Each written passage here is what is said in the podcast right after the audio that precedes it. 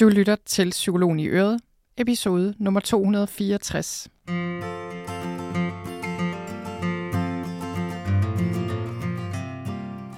Velkommen til Psykologen i Øret. Jeg er psykologen Birgitte Sølstein, og Øret, det er dit.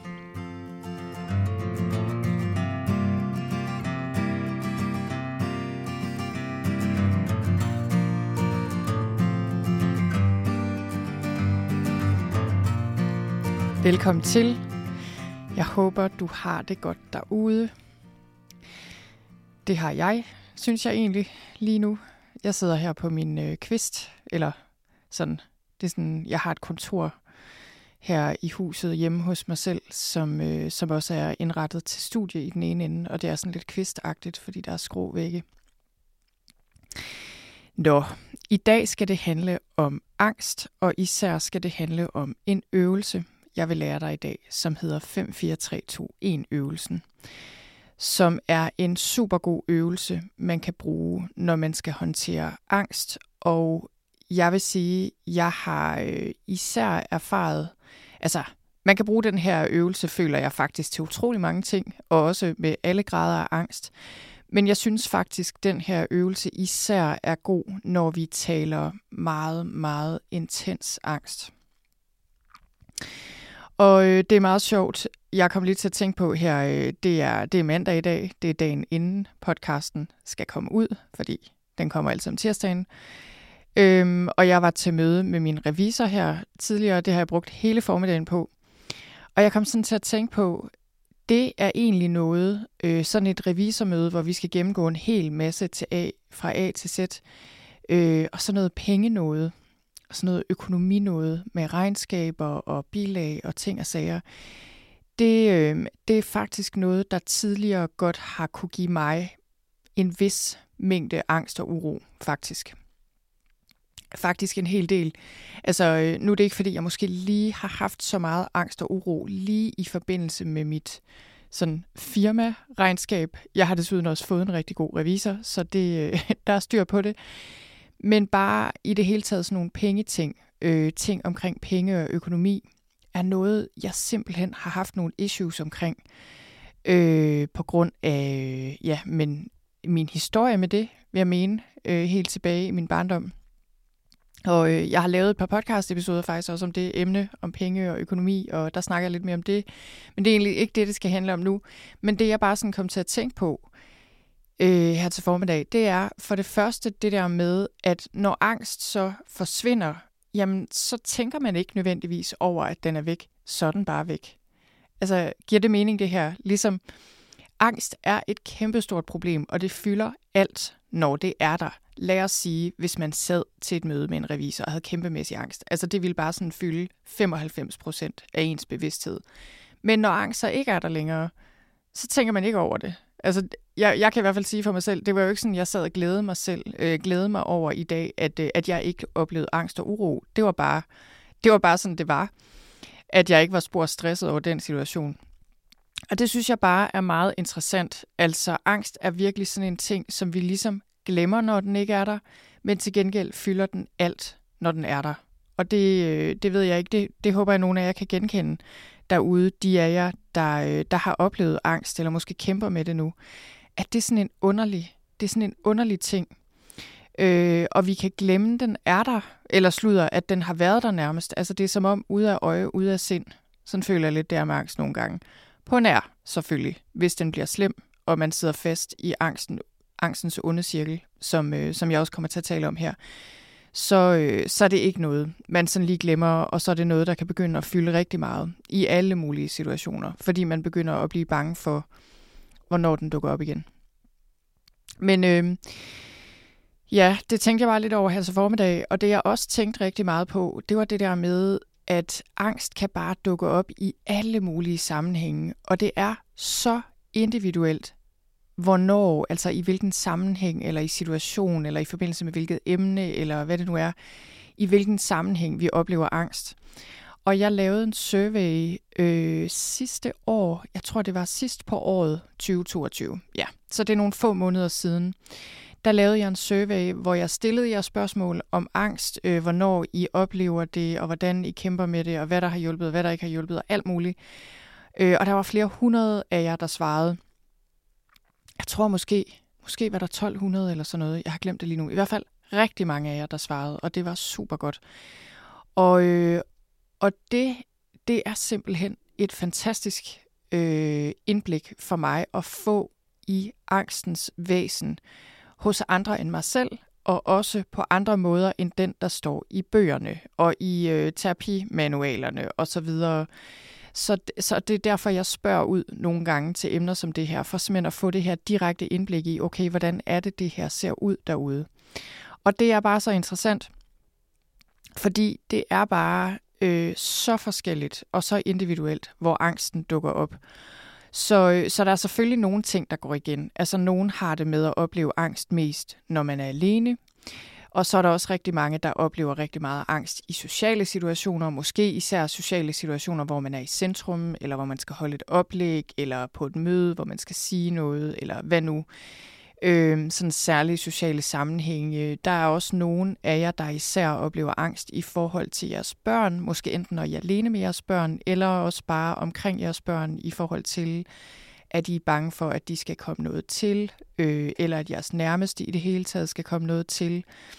Så er der også en del af os, der oplever angst i forbindelse med sygdom, eller sådan, altså angst i forbindelse med fysiske symptomer, at vi er bange for at fejle noget alvorligt. Det kan også være, at vi har fejlet noget alvorligt, som for eksempel, at vi har haft hjerteproblemer, og så hænger angsten ved, naturligt nok, for at vi skal komme til at fejle noget igen. Øhm, Ja, så, så det her bare, var bare sådan eksempler på nogle af de ting, der går igen, men, men det er bare så forskelligt, fordi angsten kan ligesom bide sig fast øh, sådan ligesom omkring nogle særlige temaer, eller omkring særlige personer, eller særlige situationer med autoriteter for eksempel. Øh, ja, så angst kan optræde i alle situationer. Det er nok også det, jeg prøver at sige her, øh, faktisk. Og jeg vil sige, den øvelse, jeg lærer jer her, 5-4-3-2-1-øvelsen, det, øh, jeg tænkte lige over det, hvornår har jeg selv brugt den her øvelse? Jeg synes faktisk også, at jeg har brugt den her øvelse i fuldstændig vidt forskellige situationer. Og det er det gode ved den her øvelse, at den kan bruges i mange forskellige situationer, hvad end vi er alene eller er ude blandt andre. Og jeg tænkte sådan på, okay, hvornår har jeg øh, brugt den her øvelse? Og det har jeg en gang for, øh, altså det, det er nok et par år siden i skoven jeg bor i skoven, eller sådan ved skoven, og det var under corona, og jeg havde en overgang, hvor jeg oplevede angst igen, efter at det ikke havde været det store problem i et stykke tid. Øh, så oplevede jeg det igen, og, og, og der oplevede jeg øh, at gå i skoven alene, hvilket ellers ikke typisk er et tidspunkt, jeg oplever så meget angst på, når jeg er alene, men altså, øh, det kan jo også ske, og det skete i hvert fald der, og der brugte jeg den, kan jeg huske, og det hjalp. Og så har jeg også prøvet at sidde til møder, og i forskellige sammenhænge med andre mennesker, hvor jeg har brugt den. Jeg har brugt den her øvelse, kan jeg huske, øh, for, for lang tid siden, men jeg kan tydeligt huske det, fordi det var, jeg havde så meget angst, at det var super ubehageligt på gaden en gang i Lyngby. Øh, jeg har brugt den i Rema. Jeg har brugt den i toget øh, på vej til København. Så øh, ja, det er bare for at sige, jeg har brugt den her øvelse i mange sammenhænge, og den kan bruges til i mange forskellige situationer. Og det synes jeg er vigtigt, fordi øh, de her forskellige typer af metoder og teknikker og øvelser, vi kan bruge i forhold til angst og stress, altså der er jo mange af dem, men nogle af dem er ikke super egnede i forhold til at bruge, når vi er i gang med noget. Altså for eksempel yoga er noget, der hjælper mig hvis jeg har meget stress eller uro. Men altså, det er jo sjældent, jeg lige afbryder et møde for at, øh, at lave tre yogastillinger. Altså, det gør man jo ikke. Og øh, det samme med nogle vejrtrækningsøvelser, som, øh, som man kan bruge, som er rigtig gode. Men igen, det kan nogle gange være virkelig påfaldende, at man sidder der i, øh, hvad ved jeg, i en undervisningssituation eller et eller andet, altså ude blandt andre mennesker, og sidder og trækker vejret øh, og tæller sin vejrtrækning op. Altså, i kan nok godt se, hvad jeg mener her. Der er bare nogle øvelser, der måske ikke er super relevante, øh, eller særlig nemme at bruge i hvert fald, i forskellige situationer, hvor der er andre mennesker. Øhm, så er der så også nogen faktisk, vil jeg sige, som bedst kan bruges, når der er andre. Og her kommer jeg egentlig til at tænke på en, øh, en øvelse, jeg lærer frem mig i mit selvhjælpsforløb, selvhjælp til angst, som, øh, som er sådan en vejrtrækningsøvelse, hvor vi faktisk åbner hjertet og, øh, og connecter med andre af den vej, hvilket er noget, der kan være super gavnligt når vi, øh, når vi oplever stærk angst. Og der har vi faktisk brug for andre mennesker til stede for at kunne lave den øvelse. Og da jeg selv lavede den og fandt ud af, hvor effektiv den var, det var faktisk en gang, jeg øh, stod og skulle synge en koncert i en stor, stor kirke i Lyngby igen. Det var da vi boede i København. Og øh, lige de første øh, 10-20 minutter, der oplevede jeg rimelig meget intens angst. Og, øh, og det, den her øvelse, den hjalp mig simpelthen. Den fik, det var ligesom at, at slukke en kontakt, eller tænde en kontakt, eller hvad nu. Altså det fik mig simpelthen fra ret så intens angst, ud af den der angst, og så gik det væk, og så kunne jeg ellers koncentrere mig om at synge koncerten sammen med et kor. Det var ikke bare mig, der stod der. Øh, så det var en super god øvelse. Men, øh, men det er bare for at sige, der, er også, øh, der kan også siges rigtig meget godt om, øh, om de øvelser, hvor vi ligesom connecter med andre for at regulere nervesystemet. Men altså, den øvelse, jeg vil lære dig her, øh, 5, 4, 3, 2, 1 øvelsen, det er en øvelse, hvor du aktiverer dine sanser, og du kan bruge den når som helst, hvor som helst. Og den her øvelse er en del af et minikursus, som, øh, som er et gratis minikursus, jeg har lavet. Man kan hoppe ind i noterne til den her episode. Det er sølvstein.dk-264, og så kan man øh, finde linket til det derinde. Det er et gratis minikursus, jeg har lavet. Og der er tre enkle øvelser til håndtering af angst, og det her er en af dem. Og det er sådan en, en meget enkel øvelse, men den er effektiv. Og jeg vil sige, at det de tre øvelser har til fælles, det er, at de kan bruges ved akut opstået angst. Altså, det er sådan en form for nødhjælp, hvor vi virkelig har brug for et eller andet at gribe og gøre i for at håndtere angst. Og øh, sådan som jeg ser det, så er der forskel på det at håndtere angst lige i øjeblikket, og så det at gøre sig fri af angst og, og ligesom arbejde sig ud af angst på sigt. Men det er lidt sjovt, fordi jeg tænkte lidt over det. Jeg sad og kiggede på de her tre øvelser øh, i det her lille minikursus. Og det er øvelser, man kan tage og bruge. De er ganske korte. De her lydfiler, øh, hvor du lærer dem, de er 5, 4, 5, 6, 7 minutter. Man kan bruge dem med det samme til håndtering af angst.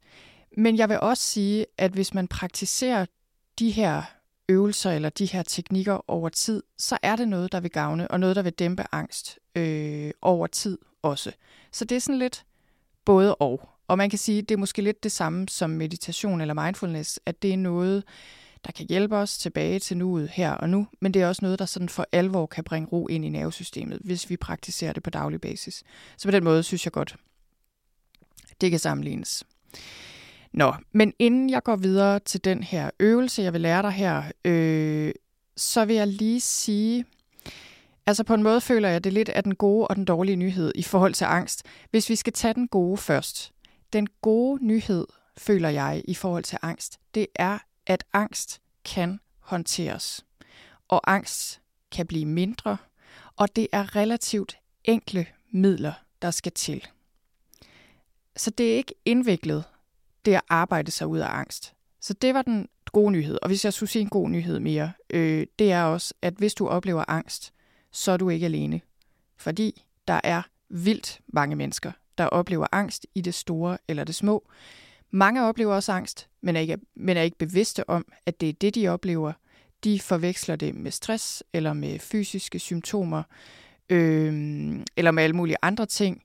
Men angst er enormt udbredt, og angst er også en almen menneskelig ting. Og øh, så angst er ligesom noget, du har bygget ind i dig fra naturens hånd. Så der er ikke noget i vejen med dig, når du oplever angst. Og der er altid en god grund til, at vi begynder at opleve angst. Det kan føles som om, det kommer ud af det blå, men det gør det ikke. Der er, øh, altså angsten har sin egen logik, selvom det kan virke enormt logisk eller ulogisk på overfladen. Nå, men det var de gode nyheder. Det var det her med, man kan arbejde sig ud af angst. Det er egentlig relativt enkelt, øh, og du er ikke alene. Så kommer den dårlige nyhed, som jeg i hvert fald synes, jeg har erfaret, det er, at nogle gange kan det være mega svært i praksis. Det her med at håndtere angst og arbejde sig ud af angst og gøre sig fri af angst.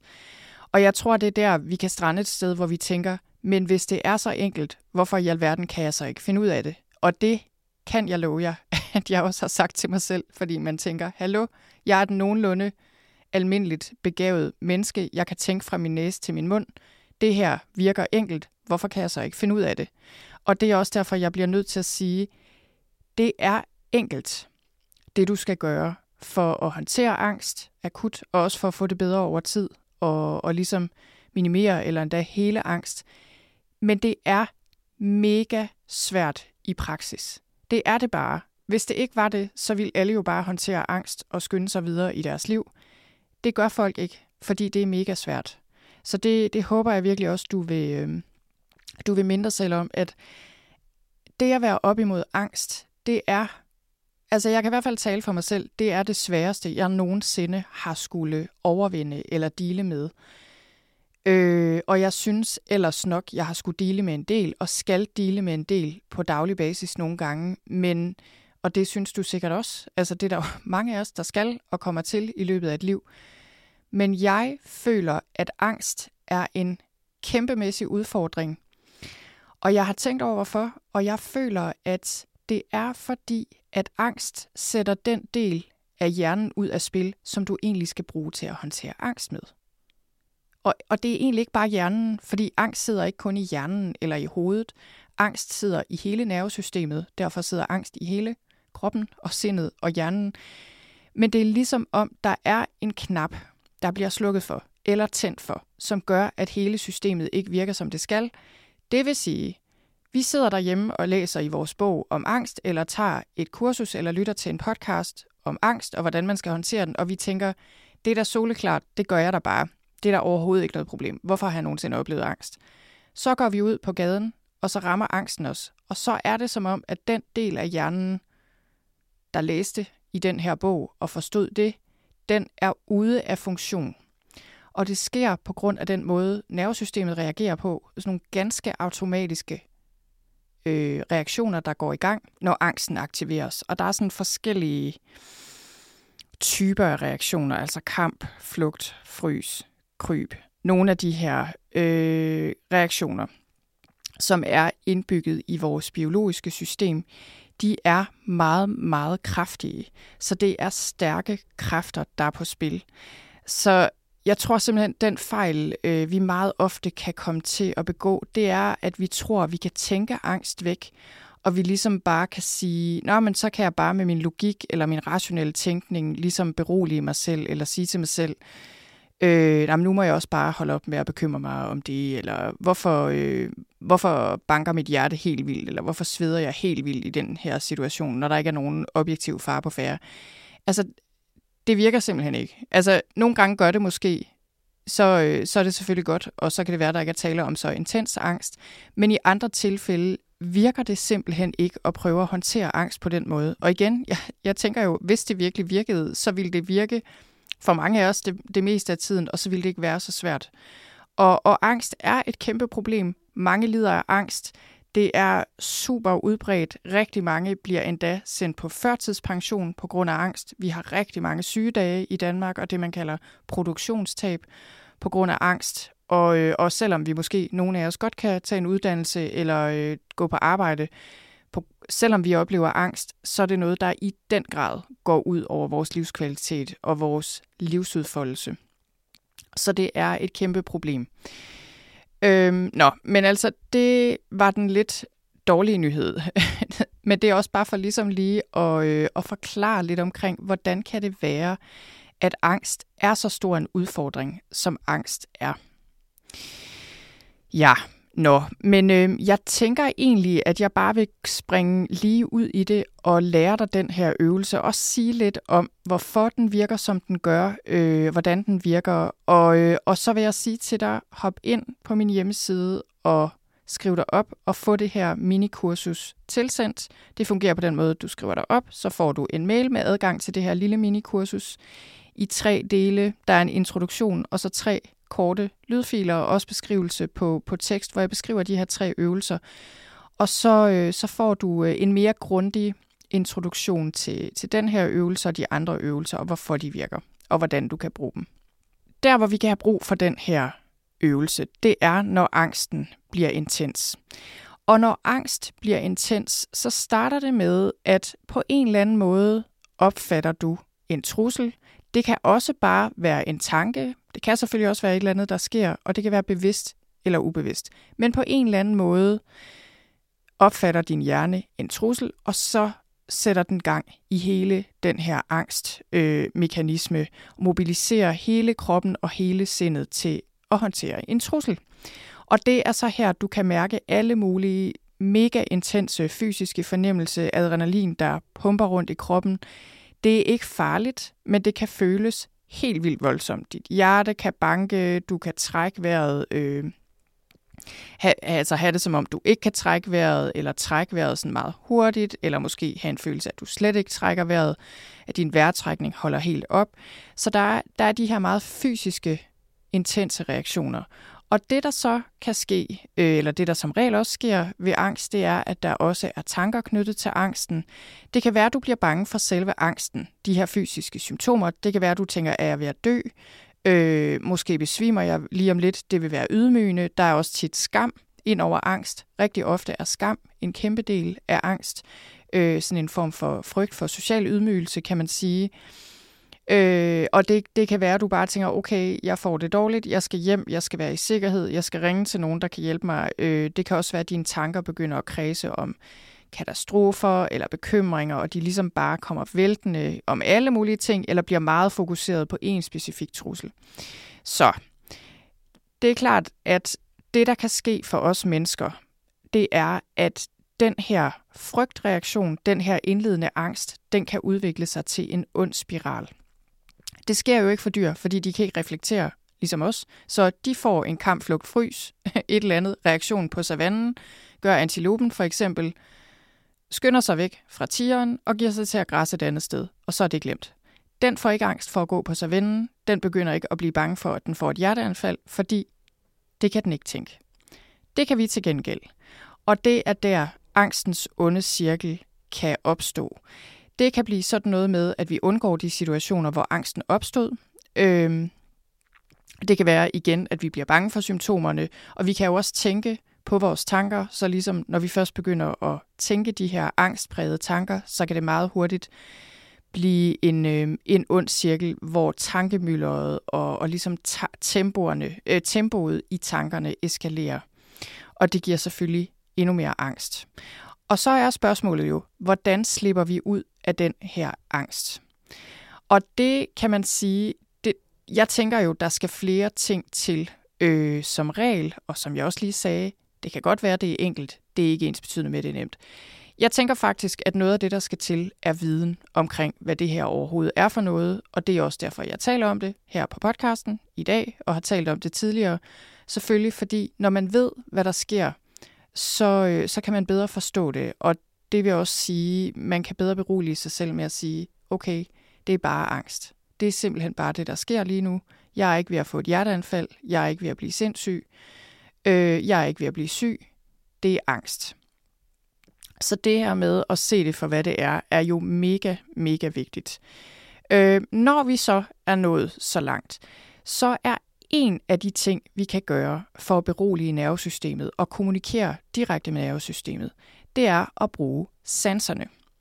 Og som jeg ser det her, så handler det rigtig meget om, at vi skal åbne vores sind udad. Fordi hvis vi ikke gør det, så er det angstprægede sind, det har en tendens til bare at ligesom lukke sig om sig selv, og du fokuserer indad på dine tanker og på dig selv, og hvordan du har det, og, og ligesom, det bliver sådan en lille, lukket, ond cirkel. Til gengæld, når du aktiverer dine sanser, så flytter du fokus fra tankerne, og måske også fra kroppen, hvis det er der, din opmærksomhed er. Øhm, så flytter du dit fokus udad. Så øh, det vil sige, at du bliver mere nærværende, når du aktiverer dine sanser. Og når du gør det, når du bliver opmærksom på verden omkring dig, ting du ser og hører, vi kommer til lige om lidt, hvordan du gør det her helt konkret, men så er det ligesom om, du fortæller dit nervesystem via sanserne, alt er okay, jeg er ikke i fare, jeg er okay, jeg kan godt trække vejret, jeg kan slappe af, der er ikke nogen akut trussel her. Jeg tror godt, man kan se det for sig, det her, at hvis du lukker øjnene og bare koncentrerer dig om de angstprægede tanker, der er inde i dit hoved, så er der en tendens til, at de bare bliver værre og pisker en endnu større stemning af angst op inde i din krop og i dit sind. Hvorimod, hvis du vender opmærksomheden udad om, på dine omgivelser, så kan du fortælle din krop og dit sind og dit nervesystem, vi er faktisk okay. Og, og det der er med den her øvelse, det er jo, at det er en nærværsøvelse. Så, så det at aktivere dine sanser på en systematisk måde, det gør, at du lander i nuet, og her og nu er du okay.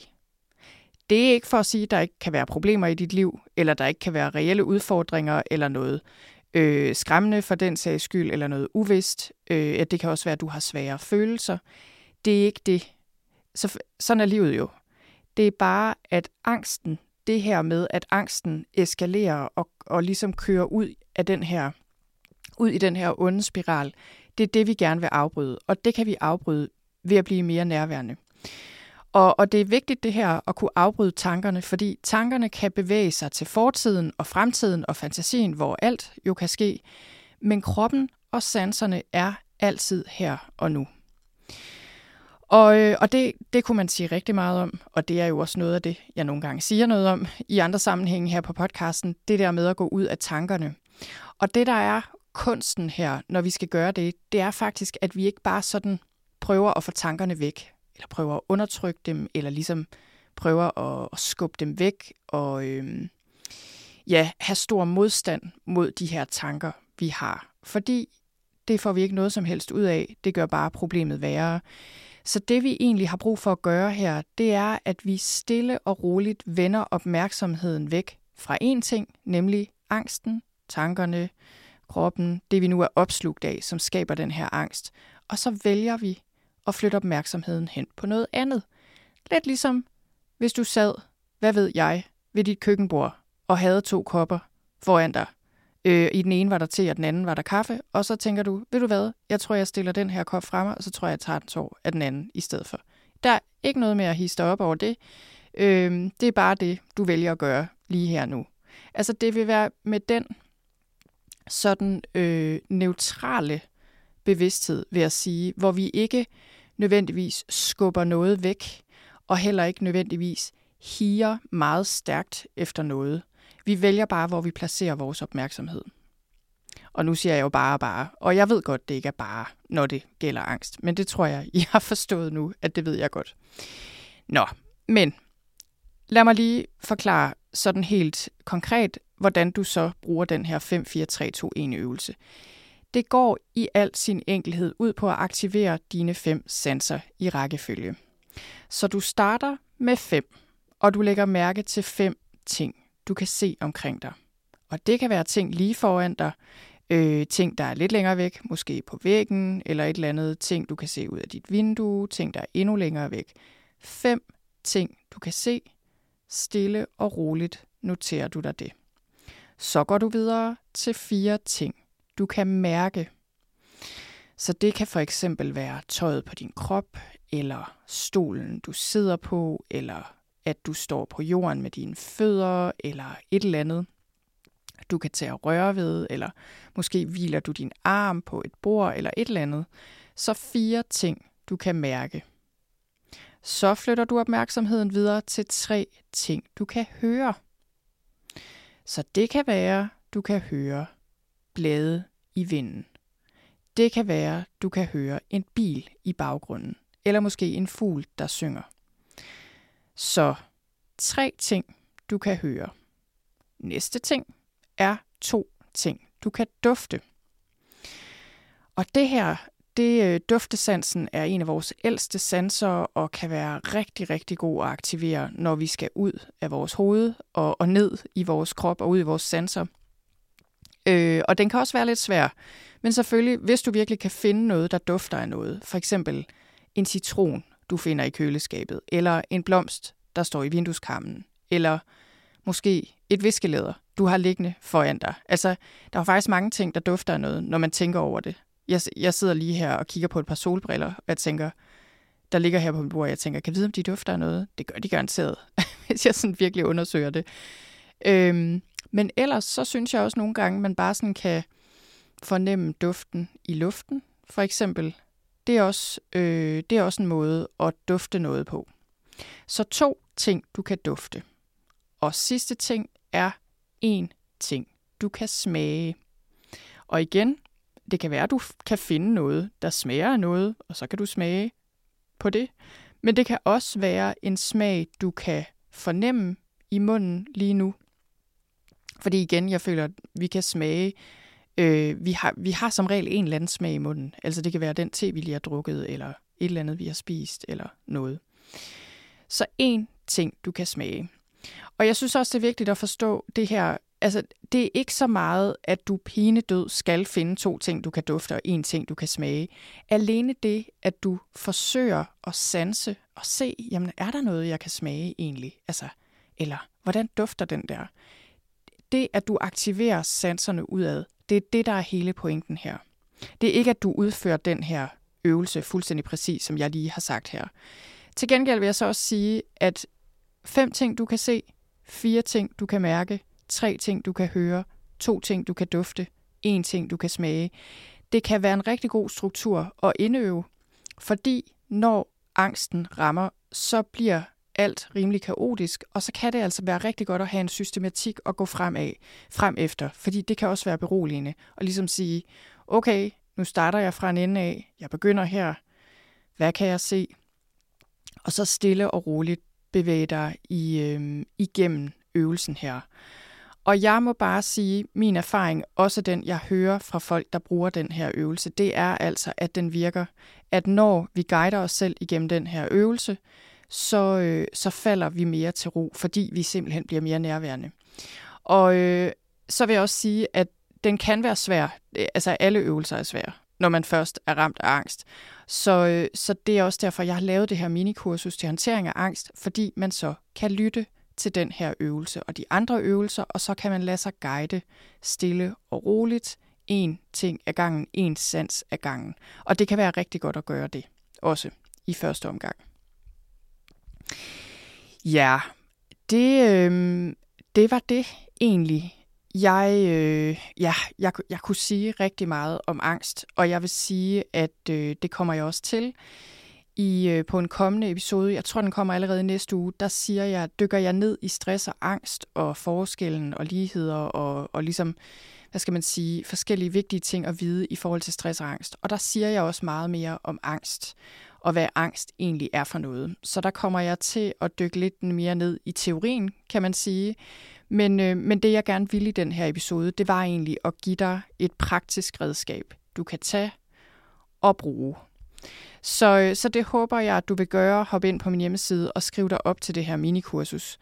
Og øh, så vil jeg selvfølgelig også sige, det kan være, at du sidder og tænker derude, hvorfor sidder Begitte og laver den her gratis, det her gratis minikursus. Hvad får hun ud af det? Og jeg vil sige, for det første, så føler jeg, at alle fortjener at have noget, de kan gribe til, når angsten rammer. Fordi angst er så modbydeligt, og det ved jeg, fordi jeg selv har oplevet masser af angst. Så det synes jeg bare, og det er meningsfuldt for mig i sig selv at lave den her podcast, give jer nogle værktøjer, og også lave et lille kursus, der sådan for alvor kan give dig noget, du kan bruge til noget. Det er det ene.